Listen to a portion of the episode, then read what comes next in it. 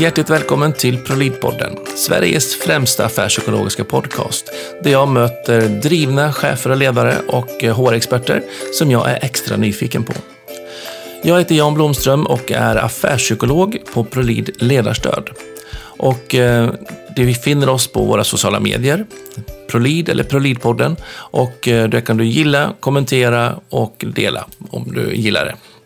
Och eh, dagens gäst i podden, den är en riktig trendhunk. Han är eh, en riktig trendspanare, Kjell Lindström, och eh, vi kommer ha temat trendspaning som verktyg. Jag tror att de flesta av er känner igen honom kanske som eh, den stora trendgurun från Nordens veckobrev med trendspaningsbrev. Eller spanarna på Future Street. Ja, jag tror ni kommer få ett riktigt bra avsnitt oavsett. Så luta tillbaka och njut riktigt gott av Kjell Lindström.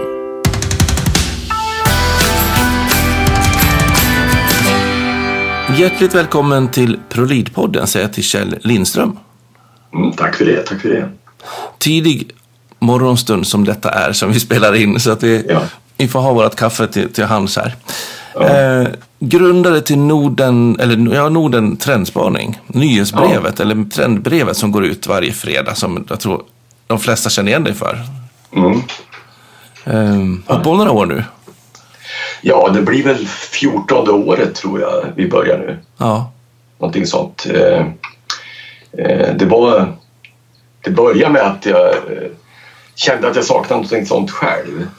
Att eh, varför kan ingen tala om för mig vad som är på gång där ute? Och sen redan vid den tiden satt jag på morgnarna då. Vi är ju morgonpigga både du och jag. Ja. Att, eh, jag satt och liksom plöjde tidningar och funderade på finns det några trendsignaler som har att göra med området organisationsfrågor, ledarskap, personalarbete och sånt som jag hade jobbat med då. Ja.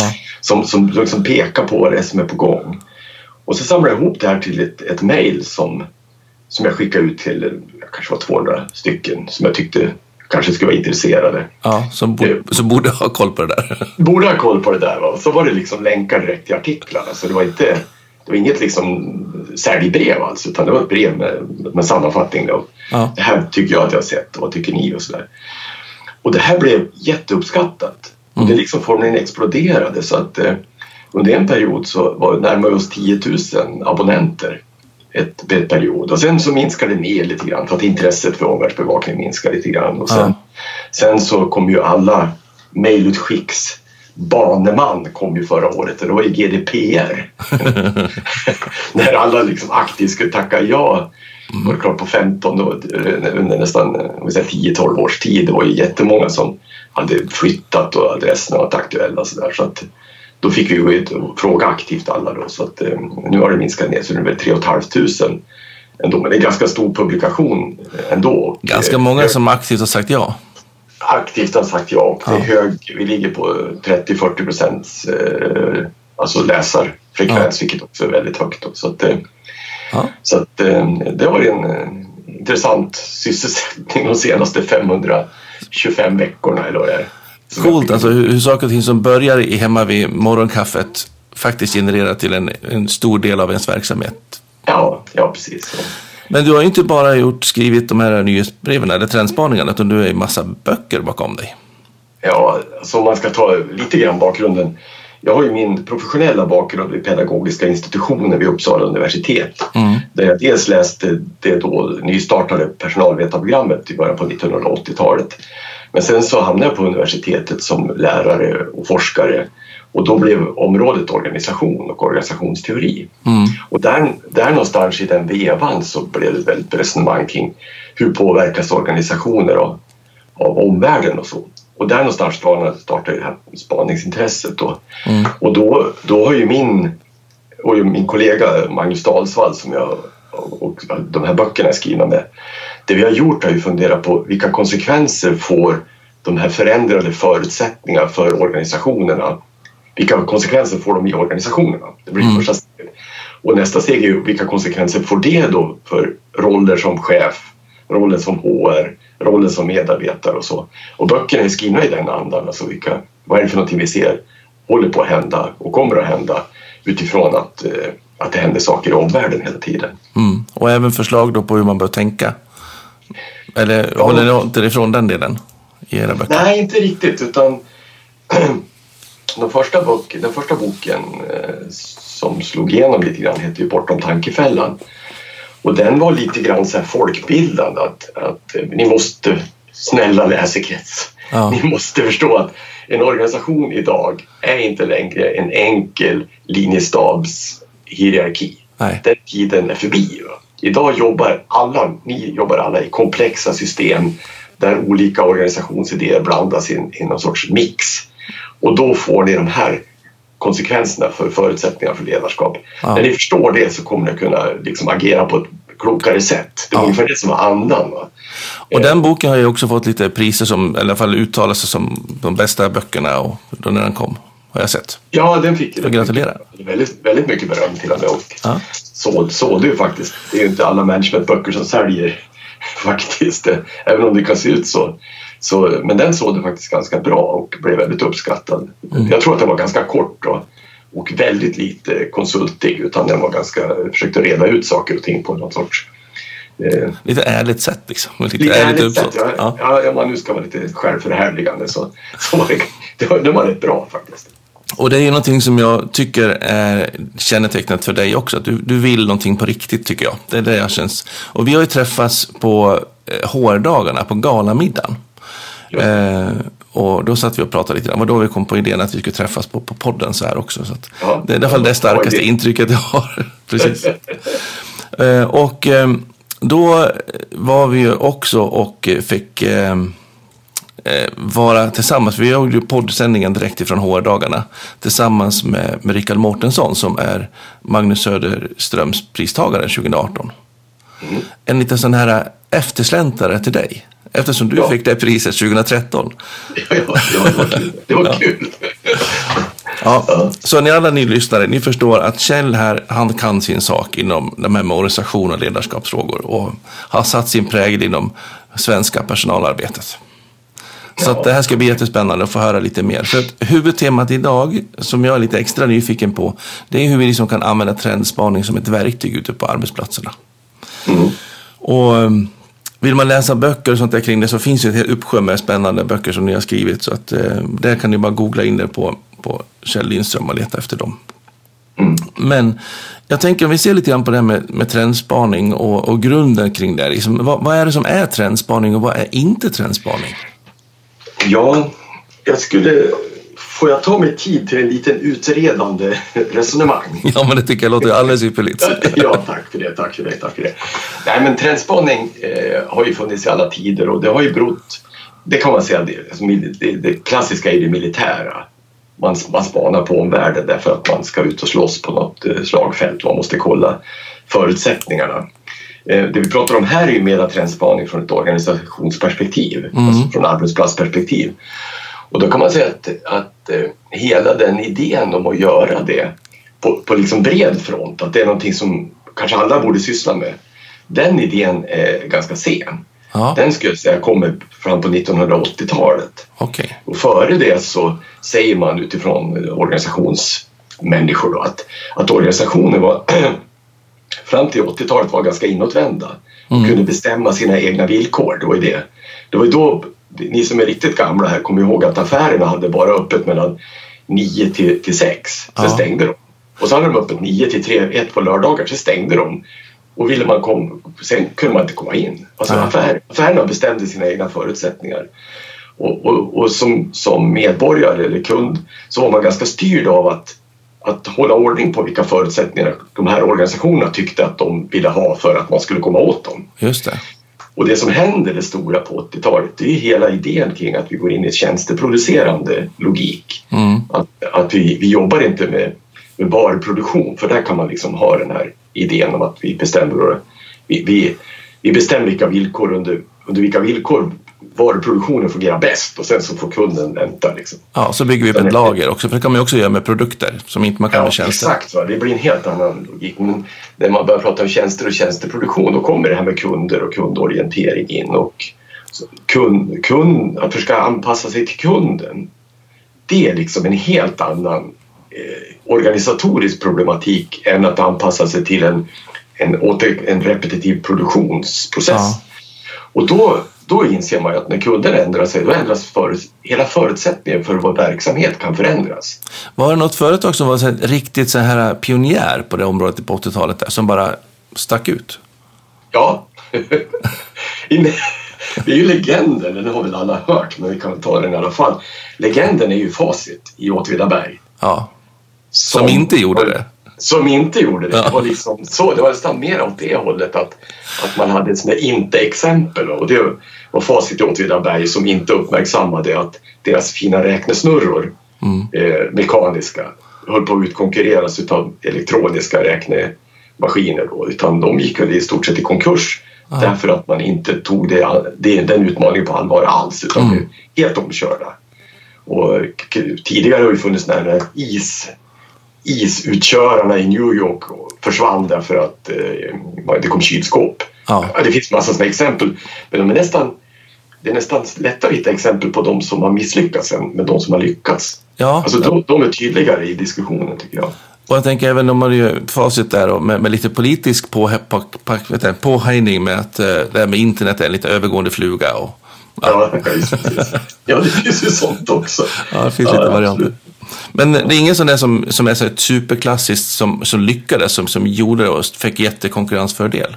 Jag känner inte till någon som Jag känner till någon som inte gjorde det. Men, ja, nej, men det, det finns, ja alltså det, men då kommer man in nästan mer på de som har, satt, har förstått det underliggande. Va? Som Apple med sina intuitiva eh, datamaskiner och telefoner ja. som har legat i framkant. Men, men då, då, är det ju lite så att de har ju nästan gått på någon magkänsla av att det här ligger runt hörnet. Ja. Eh, utan utan eh, de riktigt goda exemplen är de dåliga.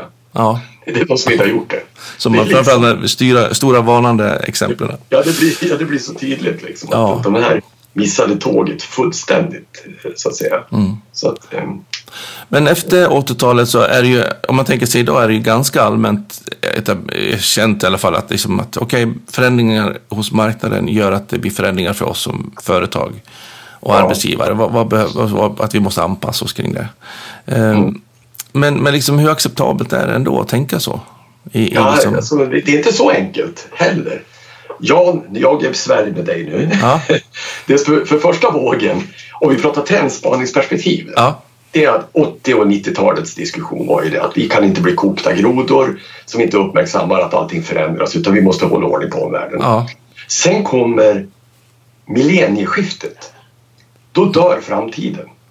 Okay. Alltså då rasar hela techbubblan spricker och det blir väldigt eh, lite om framtid och omvärldsdiskussioner. Ja. Och det som kommer istället då, som jag skulle säga kännetecknar tiden ända nästan fram till 2010, 2012, 2013 där någonstans. Det är att det blir väldigt inåtvänt. Och det här tidigare kundperspektivet ersätts av två saker. Mm. Och det ena saken är ägarperspektivet. Alltså helt plötsligt kommer ägaren vinsten till ägaren blir mycket större i fokus än kundens. Alltså det är det som, som händer. Därför kommer allt det här med, med alltså det finansiella tänkandet kommer in. Alltså hur ökar vi vinsten till varje pris?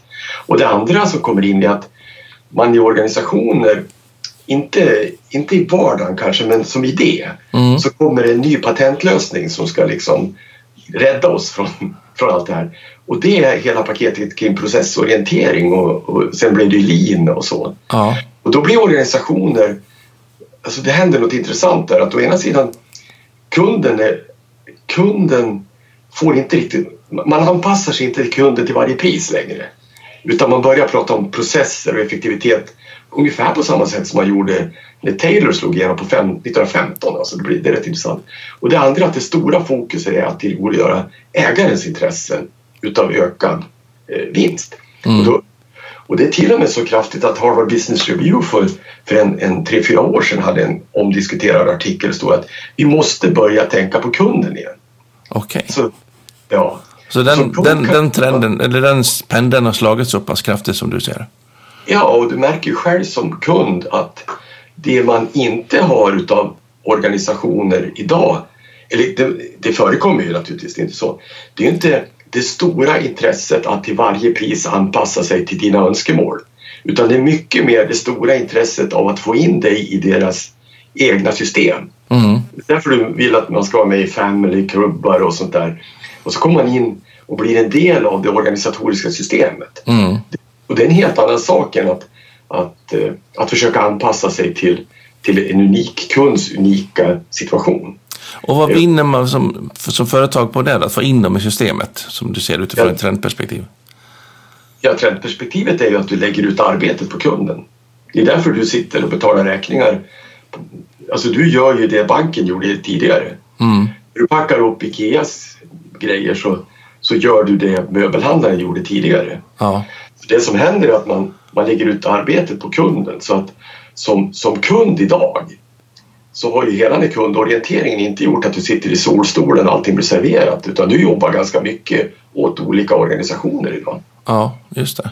Så, så att, organisatoriskt sett är det ganska smart att om du har ett, ett, ett system eh, som, som är repetitivt som du kan liksom tänka ut smarta, göra ännu smartare ja. och så får du in den mest knepiga Eh, produktionsresursen, nämligen kunden, i systemet och den anpassar sig, då har du ju liksom, då har du fått ett mycket effektivare system.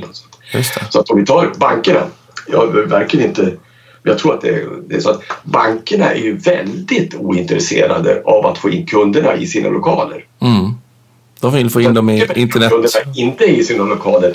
Och de kunder som kommer in i lokalerna det är de som har väldigt komplexa problem, alltså komplexa lånebilder, komplexa eller in, alltså lite invecklade frågor. Mm. Då är det svårt att hantera det med, med standardiserade system. Mm. Men det är andra som bara vill göra, sätta in pengar och flytta pengar.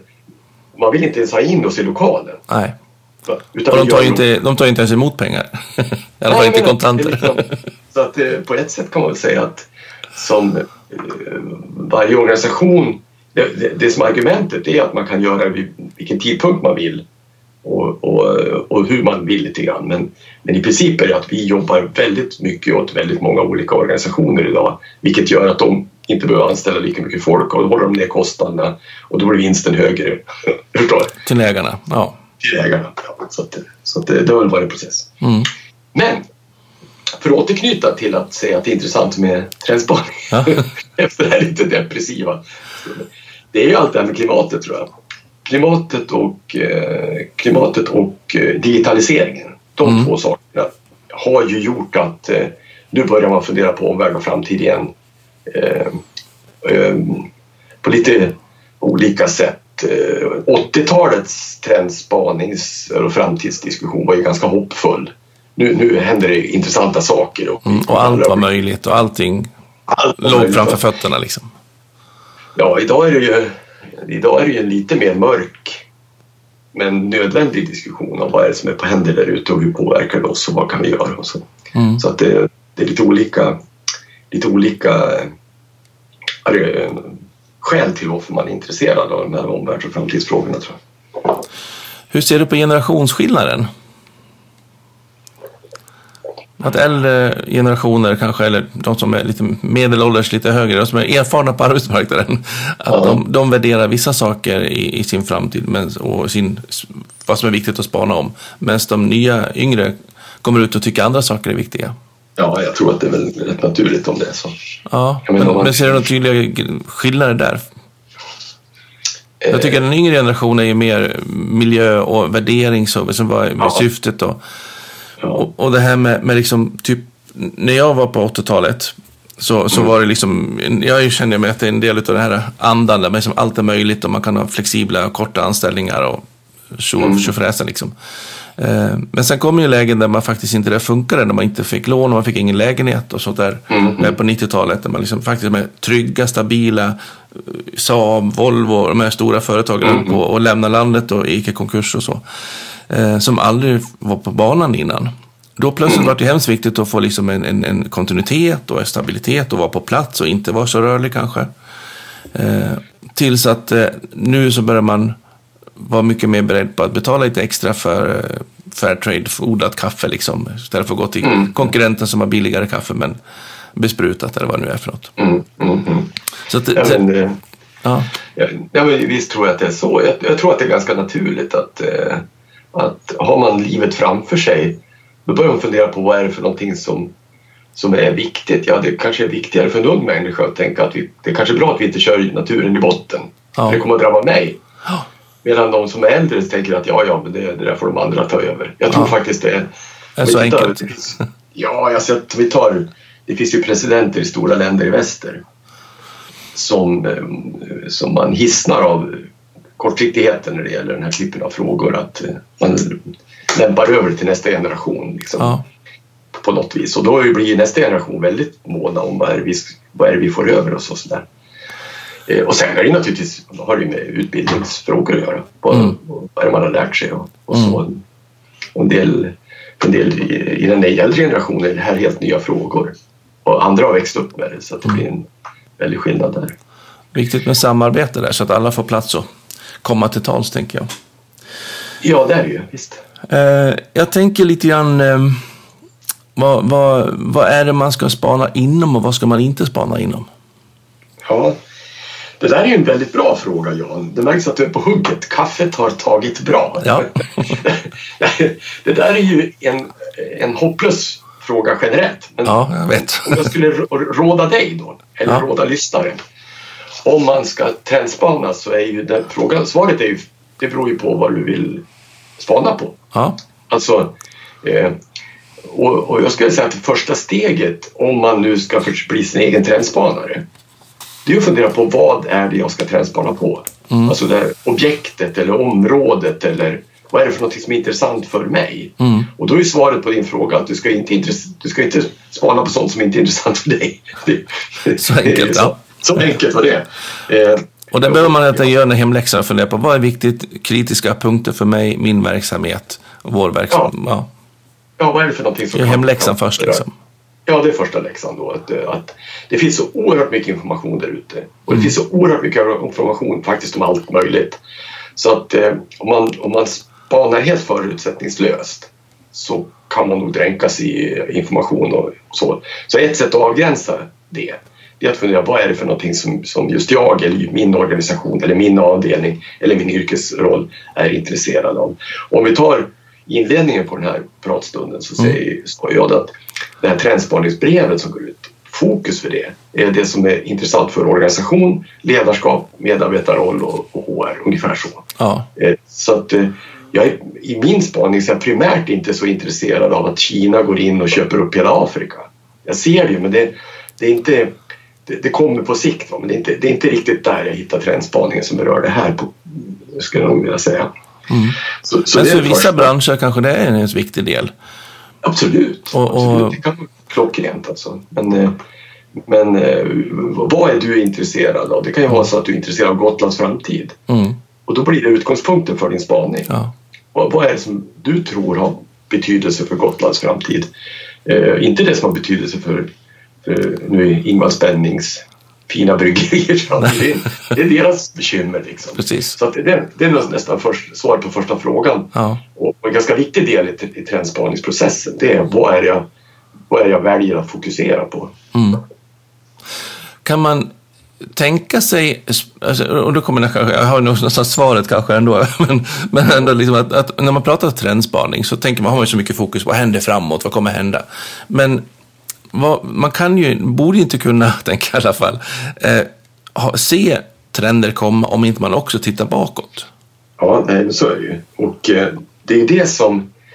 När man gör trendspaningen, då är det nästan mer fokus på... Om, om ni är intresserade av det här och vill börja med det här, skriv upp sådana ord som mer, mindre, fler, färre, ökar, minskar. Det är en trend. Det Ja. är något som, som förändras. Ja, Men sen kommer ju själva analysen. Och då är du inne på helt rätt spår därför att det finns någonting både i samhället och i organisationer som kallas för tröghet mm. organisatorisk tröghet.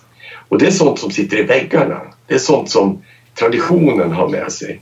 Och, och, och om en förändring ska hända då är det nästan aldrig så att trenden slår ut det som redan finns där. Bara sådär. Utan det kommer att bli en, en friktion mellan de här två. Och det som händer det är liksom kampen mellan det nya och det som redan finns där. Mm. Och, och det här kan ju, man kan ju nästan bli förvånad ibland utifrån ett organisationsperspektiv. Ja, dels kan man bli förvånad hur mycket som förändras. Mm. Man kan faktiskt bli lika förvånad av hur mycket som faktiskt inte har förändrats. Mm.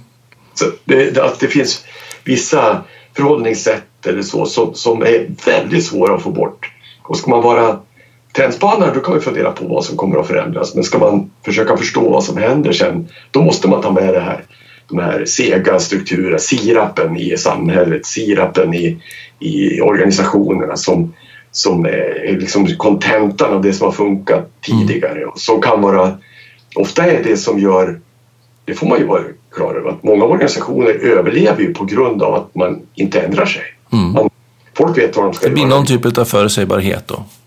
Ja, och, eh, och som psykolog och som psykolog så tänker jag liksom att, eh, att, att, vi har ju olika sätt att gestalta våra beteenden och ageranden. Liksom beroende mm. på vad som händer just nu. Men behovet är oftast ganska statiskt. Att ja. någonstans överleva. Sånt. Och därför blir det ju oftast en hållbarhet och en förutsägbarhet i, i ett djupare plan. Även om vi liksom på ytan kan ändra beteendet just där och då. Ja, och, och det här och det är precis så. Alltså, du du trycker vi... lite andra. Men, men det gör det att ibland så kan ju det vara så att det här med rationalitet kan vi också diskutera, att vara rationell. Mm. I vissa organisationer kan man ju utifrån säga att det är, det är klart det mest rationella för dem är att gå över till en, en Facebook-baserad eh, marknadsföring. Mm. Men organisationen vill inte det. Därför att man inte gjort det förut och så gör man det inte och klarar sig ändå. Det är ju det. Va? Ja. Att, alltså, ibland gör de ju det. Liksom. det och, och, grunden är ju att behovet är att kunna kommunicera oss. Ja. Och sen om det blir Facebook eller något annat spelar roll. Egentligen. För att det, det går, kommer och går, vilka kanaler. Men vi behöver ändå stå kvar i att vi vill ha en kommunikation. Ja, precis. Ja, det är mycket riktigt. Det är en bra fråga där. Kära lyssnare, lyssna på Jannes kloka råd där. Mm. Liksom. Fundera på vad det handlar om i alla dessa trender och, men också i, när det gäller trögheten i systemen. Vad handlar det om? Därför att där kan det ju vara så att systemet har lösningar som funkar för 10 år sedan eller 15 år sedan som inte funkar längre. Ja. Och det är ju en annan diskussion. Liksom. Och att man många gånger gör saker för att man gjorde det förr. Ja, vi kör på med, med Facebook ända in i absurdum. Ja. Eller annars så kör vi fortfarande vår kommunikation via Lunarstorm eller något annat. ja, ingen annan, ingen läser dem. ja, Det var lite arkeologi nästan. Kändes så. Ehm, men du, om man nu ska liksom jobba med, en annan liten sak med, med, med omvärldsbevakningen och att man måste bestämma sig inom vilka områden och sånt där. Eh, inom arbetsmiljö pratar vi ju så mycket om det med att det ska vara systematiskt kvalitetsarbete och miljöarbete och så. Detsamma borde ju kunna vara helt aktuellt här också. Att man, ja. man ska inte omvärldsbevaka inom alla områden alltid utan däremot lägga en långsiktig plan. Så att man ja. inom en treårssikt har checkat av ett antal områden. Eller? Ja, så kan man göra. Eh, alltså det, jag tror att det finns lite olika sätt. Mm. Men det, det, det, där är ju nog klokt. Jag, jag tror att om man ska ta processen, mm. alltså stegen, mm. trendspaningsstegen, mm. så tror jag man kan fundera på hur man lägger dem på lång eller kort sikt. Va? Men det första steget det är det vi har tid, pratat om tidigare. Vad är det vi ska trendspana på? Ja. Alltså vad är området, objektet? Det är, det, det är steg ett. Annars kommer man inte på det kan man låta bli. Det är mm. liksom så. Eh, vad är behovet vi har eller så. Och sen när man har börjat fundera på det, då kan man, om man är riktigt systematisk, då kan man ju fundera på vilka källor är det som täcker? Alltså där man kan få information om vad som är på gång mm. kring det. Eh, vilka, om vi tar ditt exempel, du vill spana på Gotlands framtid, vilka källor är det du kan tänka dig kan, kan ge information om det? Ja. Eh, så det, det, är det andra och, och, då kommer vi in på det här med, det, det, det, är en hel diskussion idag med källkritik och fake news och alternative facts och sådär. Ja. så, så man får ju tänka till där, vilka är det som, som eh, kan vara liksom schyssta och ärliga och, och där man kan faktiskt försöka lita lite grann på. Mm. Och, och kanske också lägga in lite korsbefruktningar som, som tar emot varandra. Så att, ja. Ja, ja absolut. Och, och absolut. Så, och man får ju alltid vara lite distanserat kritisk till de här källorna. Men, men eh, om man baserar hela sin omvärldsbevakning på, på eh, ja, jag ska inte säga vissa källor som, som hela tiden producerar påhittade nyheter, mm. då får man en ganska skev bild efter ett tag. Så att, jag brukar föredra sånt som Statistiska centralbyrån, eh, sån, den typen av lite tyngre som verkligen har jobbat med sitt material. Och sådär. Helst lite Torture-dammar. Då är det... Ja, Torture-dammar gör ingenting. Nej, precis. Ja, och sen den tredje, det är att man kan fundera på, och där kommer du in på, på din eh, eh kvalitetssäkring då. Mm. Att det är ganska bra att ha någon typ av metod för det här. Och jag brukar använda, och det är det som nyhetsbreven, eller trendspaningsbreven är uppbyggda efter. Det är en klassisk amerikansk metod från 1950-talet som kallas för pestanalys. Ja. Pest analysis. Och för den lyssnare som har hört talas om SWOT-analys så är det här liksom samma, samma källor ungefär. Ja. Och den ger en någon sorts bredd i spaningen. Och pestanalysens eh, utgångspunkt är att, att, eller idén med pestanalysen, det är att man utifrån Gotland nu då, ja. funderar på vad är det i omvärlden som påverkar oss? Och P i pestanalys, det är politik. Alltså vad är det politiskt som kan påverka oss på Gotland? Då? Mm. Ja. Och här kan vi se att olika branscher kan vara olika känsliga för politiska beslut. Vissa är hyperkänsliga och andra inte. Det spelar inte så stor roll. Men Nej. P är politiskt. Då. Mm. E är ekonomi. Eh, högkonjunktur, lågkonjunktur, ekonomiska områden. Eh, och nu har vi ju till och med ekonomin i sig själv. Vad händer med, med kryptovalutor och sånt där? Ja. Så, eh, som, som kan påverka vår verksamhet. Kommer jag menar om jag vore en statlig eller en, en, kommunal verksamhet då kanske jag ska börja fundera på när börjar vi ta in skatt i bitcoin? Mm. Alltså, vad gör vi då? Liksom? Precis. Och börja fundera på den. Då är det en sån. Så politik, ekonomi, S, S i pestanalysen, det är det sociala. Det är allt som har med människor att göra. Mm. Alltså, du har varit inne på det redan, alltså dem, demografi, alltså värderingsskillnader i olika åldersgrupper men också hur, hur åldersgrupperna ser ut kan ju vara att, att vi idag står med ett enormt massa folk som blir väldigt mycket äldre och, och, och återfödandet är ganska litet så vi får en ganska skev bild. Hur påverkar det oss? Ja. Eh, men arbetsmarknaden, vilka jobb, vad jobbar folk med? Det är också DDS sätt att, ja, så, att, eh, så, så vad händer där ja. på något vis? Och sen T är ju teknologi. Mm. T är testanalysen och den är ganska viktig. Därför att det finns en, en sån här tes som säger att teknisk innovation skapar ekonomisk tillväxt. Alltså det börjar sälja. Ja. Och när saker börjar sälja så skapar det sociala och politiska förändringar. Så. Och jag brukar tycka att eh, mobiltelefon är ett himla bra exempel. Eh, eh, min dotter blev av med sin mobiltelefon mm. och jag sa oj då ungefär och så sa hon så här pappa du förstår inte. Det är inte bara en, en teknisk pryl, det är ju en kroppsdel. Ja. Och, Den har tagit nya dimensioner. ja, jag menar, och jag brukar tänka så här, skulle, skulle du dra ut på det gotländska eh, steppen i, i, en vinter, i en snöstorm utan att ta med dig mobiltelefonen? Jag troligen inte. Va? Den har liksom blivit en del i... Den är med jämt. Ja, den är med jämt. Mm. Och, och då, är det liksom, då har det påverkat det sociala. Och kopplad med telefon. Eller med ja, klockan. ja, med klockan, ja precis. Exakt. Alltså. Så att det, om man är trendspanare så, så tror jag att man ska hålla ett lite extra öga på teknologiutvecklingen därför att den mm. påverkar så himla mycket när den får genomslag. Mm. Alltid den får det. Men, men... Och sen, bara för att avrunda ja. modell då, politiskt pestanalysen då. 19, 2007 så skriver Harvard Business Review It's time to uppgradera pestanalysen, den klassiska, ja. nämligen bokstaven E. Okej.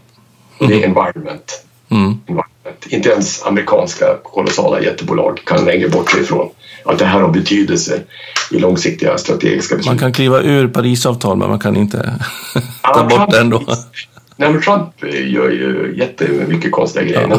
Men, men eh, företagen gör ju inte det. Nej. Många företag är ju väldigt medvetna om att att miljöaspekterna är superviktiga. Mm. Inte minst av ekonomiska skäl, men, men alltså, och kanske av andra skäl också. Och det man har sagt skulle möjligen kunna bli nästa steg i PEST-analysen då, ja. det är där. Och det är religion. Mm. Religionen har ju ökat i betydelse för att förstå omvärlden på något vis, alltså, av, av alla möjliga skäl. Eh, så ja, det känns ju som det är starka strömningar i alla fall i, i de här ja, laddningarna. Och då om man om man har en sån metodik, pest, pest eller pester-analysen, då kan man ju notera att, och det, det är det jag försöker göra i, i Tränsborgsbrevet, att det ska finnas med någonting under varje. Mm. annars är det väldigt enkelt så att om jag är superintresserad av tekniska saker då studerar jag bara det tekniska. Mm. Och sen missar jag viktiga aspekter som har med politik att göra och i, i ekonomiska förändringar och sånt där. Utan det ger en någon sorts kvalitetssäkring att man, man faktiskt försöker bredda sig och se på olika aspekter som kan komma att beröra verksamheten. Där har vi väl kanske Ericsson som litet exempel på det. Mm. Som eh, var otroligt bra på teknisk del eh, och hade sina framgångsgångar med sina mobiltelefoner. Men de mm. missar liksom helt det här med att ha touchskärm och smartphones. Ja, ja. Och det, jag skulle säga att det är S de missade. Ja. Att deras... Att andra beteenden, andra sätt att samverka med andra. Ja, folk får anpassa sig till ja. vår teknik. Ja. Men vi komma in i en värld där folk vill inte anpassa sig. Det ska vara jätteenkelt. Så. Man ska swipa liksom. Ja, så, så händer Så att, eh, och där var ju Apple, de började i en annan ände på något vis och blev väldigt framgångsrika en period. Det. Ja. Ja, så att, eh, Spännande. Du, en liten tips kring det, för då har vi den här metoden som vi kan jobba med. Ja, det är inte klart sen. Men Nej, du men okej. Okay. Ja. Kör du, ta en vända till. Sorry. Ja, man bara får sig associationer i huvudet direkt. Ja, ja. ja kör. Nej, nej, så kör du först. Där. Uh, nej, men jag tänker liksom när man, man har en metodik kring så här och checkar av alla områdena, eller de här strategiska viktiga områdena. Uh, hur ser själva processen ut, sen analysdelen? Hur bör man tänka där? Ja, just det, för då, då kommer vi in på nästa steg. Då. Ja. Och då, där, där kommer fyran i den här lilla stegen. Då. Ja. Och det är arenor för analys och diskussion. Mm. Arena för analys och diskussion. Eller du kan vidga det, reflektion, resonemang. Alltså, eh, det är ett svårt område det här. Eh, så jag tycker egentligen att man ska ha ett ganska resonerande ingång till det. Alltså vad betyder det här för oss? Och så. Ja. Men det som, det som kan vara viktigt och, och egentligen låter ganska självklart det är att om man pratar utifrån ett organisationsperspektiv ja. att det finns en arena där man faktiskt kan resonera kring vad man ser. Mm. Och, det jag har varit med om, jag jobbar ju ganska mycket med ledningsgrupper och, och så, mm. det är att det kan vara att många ledningsgrupper blir så dränkta av dagens operativa frågor man har väldigt svårt att få till ett utrymme för att ganska alltså resonera kring vad det är som är på gång där ute. Ja. Och, och därför, därför, tycker jag att det, det, om man ska få in det i det vardagliga så är det ganska viktigt att ha en arena där man resonerar kring omvärld och trendspaning. Mm. Och, och, det allra enklaste det är väl liksom eh, fika, fikaresonemanget, att man börjar diskutera sådär på fikarasten. Men eh, lite mer formellt kan man säga att det, det, är viktigt att ledningsgrupper, om vi tar den typen av mm. eh, att man ser till att det finns utrymme för ganska fria diskussioner på ett eller annat sätt. Eh, särskilda möten eller också som någon punkt på återkommande. För om man ingenting sånt då tror jag att man löper lite risk att bli en kokt groda. Så ja. att man missar det där som, som Facit missade och som Ericsson missade. Jag brukar ofta prata om att vikten av att tomglo. Att eh, antingen som enskild eller som, som ledningsgrupp. Att faktiskt stanna upp och bara liksom låta tankar och fri, alltså intryck få fri, föra fritt. Ja, jag tror och, att det och rensa sig själv och se nya kopplingar och se nya mönster. Och det är ju egentligen ja. det du pratar om här. Ja, eh, få tid för, för att, eh, att vara lite, lyfta blicken och, och, och, och resonera, resonera kring, spåna kring det. För att har man inga sådana områden då kommer man att missa jättemycket viktig information. Alltså. Mm. Alltså när vi går på gymmet och tränar så mm. är det så mycket mer självklart att man kör ett pass och sen så behöver man vila, ta en banan och återhämta sig. Liksom. Eller vila. Ja. En vilodag i veckan och sådär. Men på jobbet så har vi en tendens att stå på löpbandet hela tiden. Ja. Vi producerar, producerar, producerar, producerar, producerar. Ja. Men vi stannar inte upp och, och liksom skapar den här Nej. samsynen liksom, kring vad som vi, vi står i och vad som händer och låter oss få konsolidera oss. Ja, nej, men jag, jag håller helt med. Och då drar vi på skador bara, och belastningsskador. Ja. Och det tycker jag man ser på arbetsplatsen också. Ja, jag märker jag håller ju såna här ganska mycket såna här kvalificerade chefsprogram. Mm. Det är fantastiska föreläsare som kommer in. Men när programmet har pågått ett tag och gruppen börjar hitta varandra, mm. då märker man det att det som de tycker är absolut viktigast, det är att de får möjlighet att resonera om frågor som de tycker är... Alltså de får utrymme att resonera om sånt man tycker är viktigt ja. med folk som lyssnar. Ja. Jag tror att det är just att man kommer från olika håll och kanter så är det lite friare. Ja. Och det här är extremt uppskattat och jag tror att det saknas extremt mycket sådana utrymmen i dagens organisationer. Mm. Att det, de, de verkliga samtalen på något vis. Så att, det så håller jag verkligen med om. ja, ja, nej, men, det, det, Det, pratas mycket i år och det informeras mycket. Och det Men det samtalas lite? Ja, det samtalas väldigt lite. Alltså. Mm. Att, ja, spännande. Ja, så då har vi fått till arenorna så att man har ja. den analysen. Ja, och då kommer ju nästa steg då, femte. Ja. Och den är ju nästan svårast då. Det är ju att om man nu hittar någonting som man tycker har betydelse mm. får man genomslag för den i organisationen. Mm. Alltså hur, hur ser den processen ut? Och då kommer vi in på det otroligt intressanta området organisationsförändring och organisationsutveckling och sådär. Mm. Eh, men det är ju ganska många sådana här, man hittar någonting som är viktigt men man, man rår inte med att förändra, anpassa organisationen för att ta hand om det. Nej. Man måste vara medveten om, det är många som är glada trendspanare som jag då. Mm. Men ska man vara glad och effektiv trendspanare så måste man tänka vad händer ifall att hur, hur ser utvecklingssystemet ut för att verkligen eh, skruva organisationen åt rätt håll. Och där ligger ju också kulturfrågan, tänker jag, jättecentral. Absolut. Absolut. För, för vill, är det okej okay att komma med en brasklapp att du, den här fina räknesnurran vi har, den kanske inte har någon framtid. Mm. det är den vi känner, det är vår kassako liksom. Ut, här ja. får du inte jobba om du inte är lojal. Och så kommer lojalitetssnacket in. Då kommer det, och det, det är makt. Så fort vi kommer in på begreppet förändring och utveckling ja. och, och transition ska det heta idag. Mm. Förändring är ute. Tips som trendspanare. Säg aldrig ordet förändring mer, jag tror transition. Det spelar ingen roll, det är samma sak. Och då, då, då utmanas ju sådana saker som maktsystem och, och traditioner utmanas. Och, och sånt.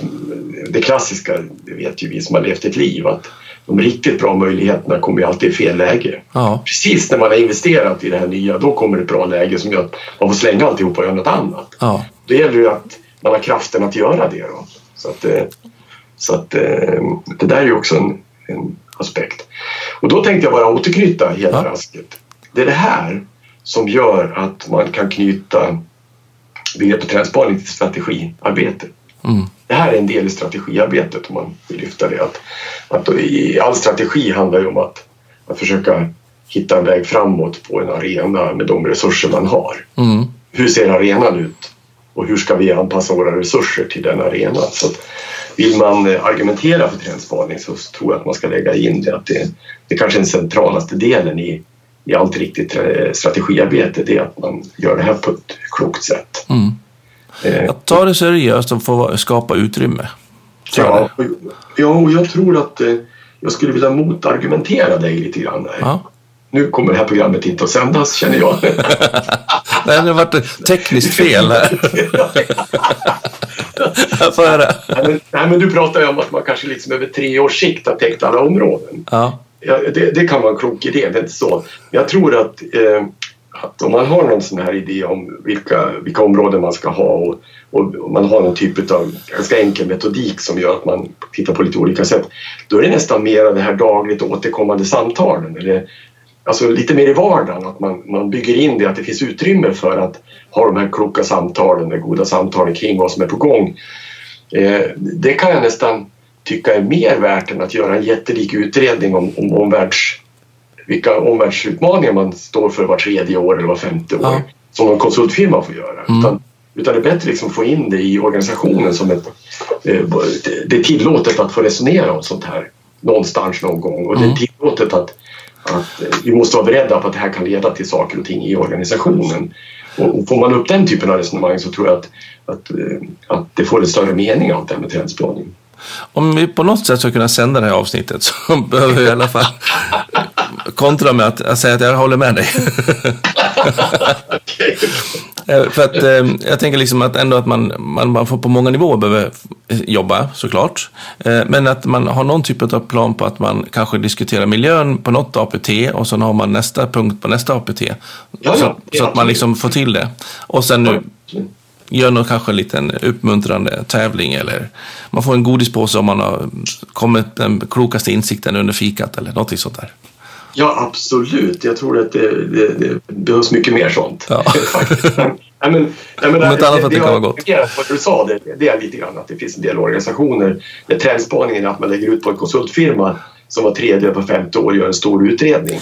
Det var inte så jag menade. Men, men att man någonstans har att inom en viss tid så har vi liksom varit inom de här områdena. Ja, ja. vi kanske inte har tagit tid att diskutera alla, hela, hela liksom pest... Jag känner att jag vill att det här ska sändas. Ja.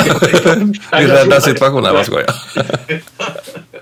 Nej, men jag håller helt med dig just det med att inte, out, för det första också att inte outsourca analysen till någon annan. Utan vi måste ju äga den själv. Det låter ju som en Ja, självklarhet när vi har pratat.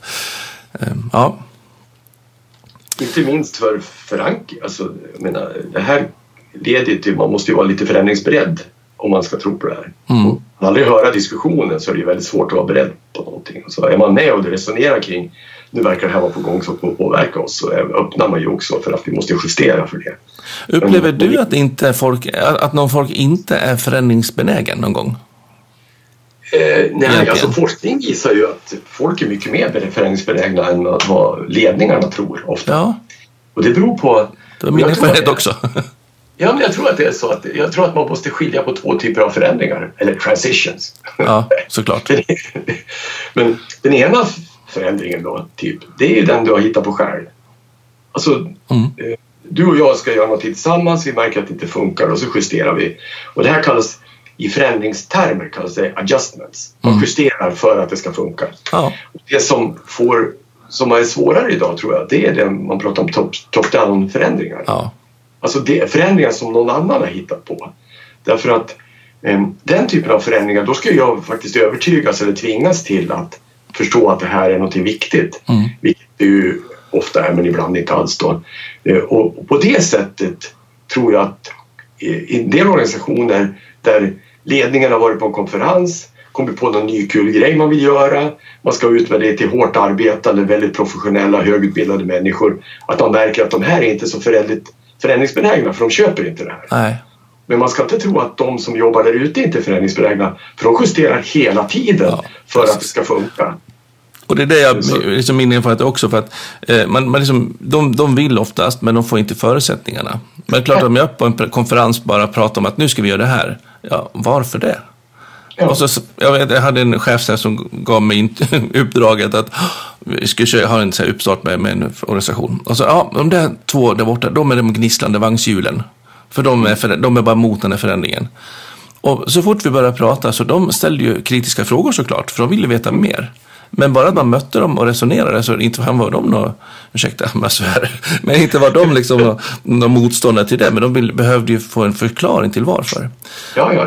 Och det tänker jag också om man outsourcar en omvärldsbevakning och säger att nu tycker de att vi ska göra en ändring och varför ska vi göra det? ja. Och det är så himla snabbt att sätta att de är förändringsobenägna. Men folk som själv kommer till lösningarna, de är ju aldrig det. Nej, och jag menar, jag tycker också att om man tar 80 och 90-talets förändringslitteratur, alltså idéerna.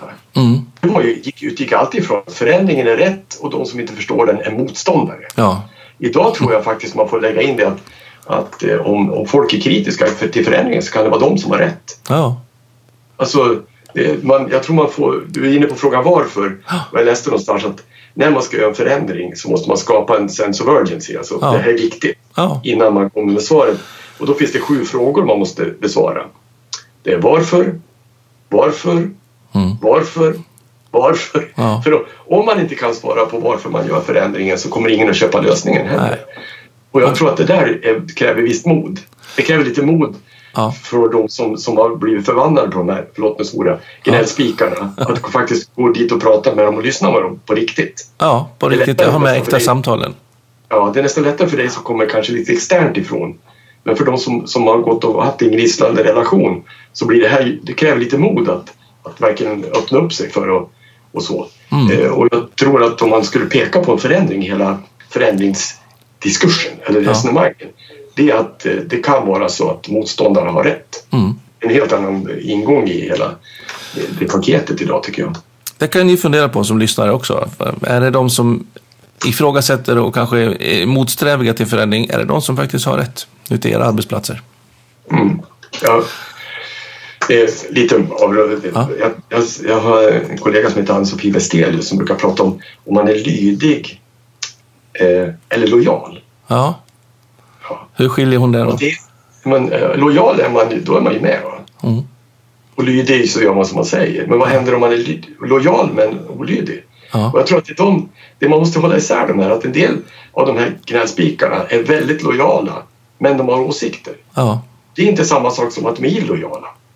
Och jag, jag, förstår du? Mm. Och, och, jag tror att ibland mixar man det här. Så fort någon har en, en, en åsikt om förändringen så är den illojal. Mm. Och det behöver den absolut inte vara. Den kan vara superlojal men ha rätt att ha synpunkter. Och då måste man lyssna på dem. Och jag brukar prata i termerna av vart ligger lojaliteten? Mm. Är, den lo är lojal mot dig som min chef?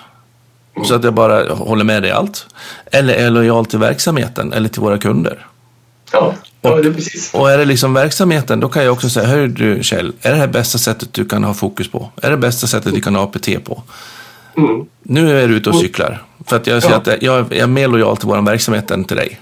Ja, och då är du liksom mer olydig än illojal. Ja. Alltså du, har, du tar det olyd, den olydiges rätt att ställa frågor men egentligen ja. så tycker du att systemet är okej okay, men du vill förbättra det. Ja. Och jag brukar jämföra också att det andra sättet med, med, med lydigheten, den kommer ju nästan från storbondens tid. Mm. När liksom den enda som kunde läsa var storbonden och, och tala om vilken åker man ska gå ut på. Drängarna ska hålla käft och göra det. De blir tillsagda. Mm. Men det funkar inte riktigt nu, 2019. Nej, det då. Ja, spännande. Du, vi, vi trendspanar ytterligare vid något annat tillfälle. Absolut. Jättespännande att få höra dina kloka idéer. Du, eh, tusen tack för att du kunde komma. Och eh, om man vill få mer kontakt med dig, vart får man tag på dig någonstans? Ja, det enklaste är att gå in på Nodens hemsida, Nod, Noden utan R, noden.se. Ja. Där hittar man kontaktuppgifter. Och skulle man vara intresserad av det här trendspaningsbrevet, som är gratis, ja. så, så, kan man ju pröva det. Det hittar du också på nodens.se. Anmäl dig på det, tips bara. Tusen tack för att du kom. Ja, tack. Det var jätteroligt att vara med. Hej då. Ja, hej.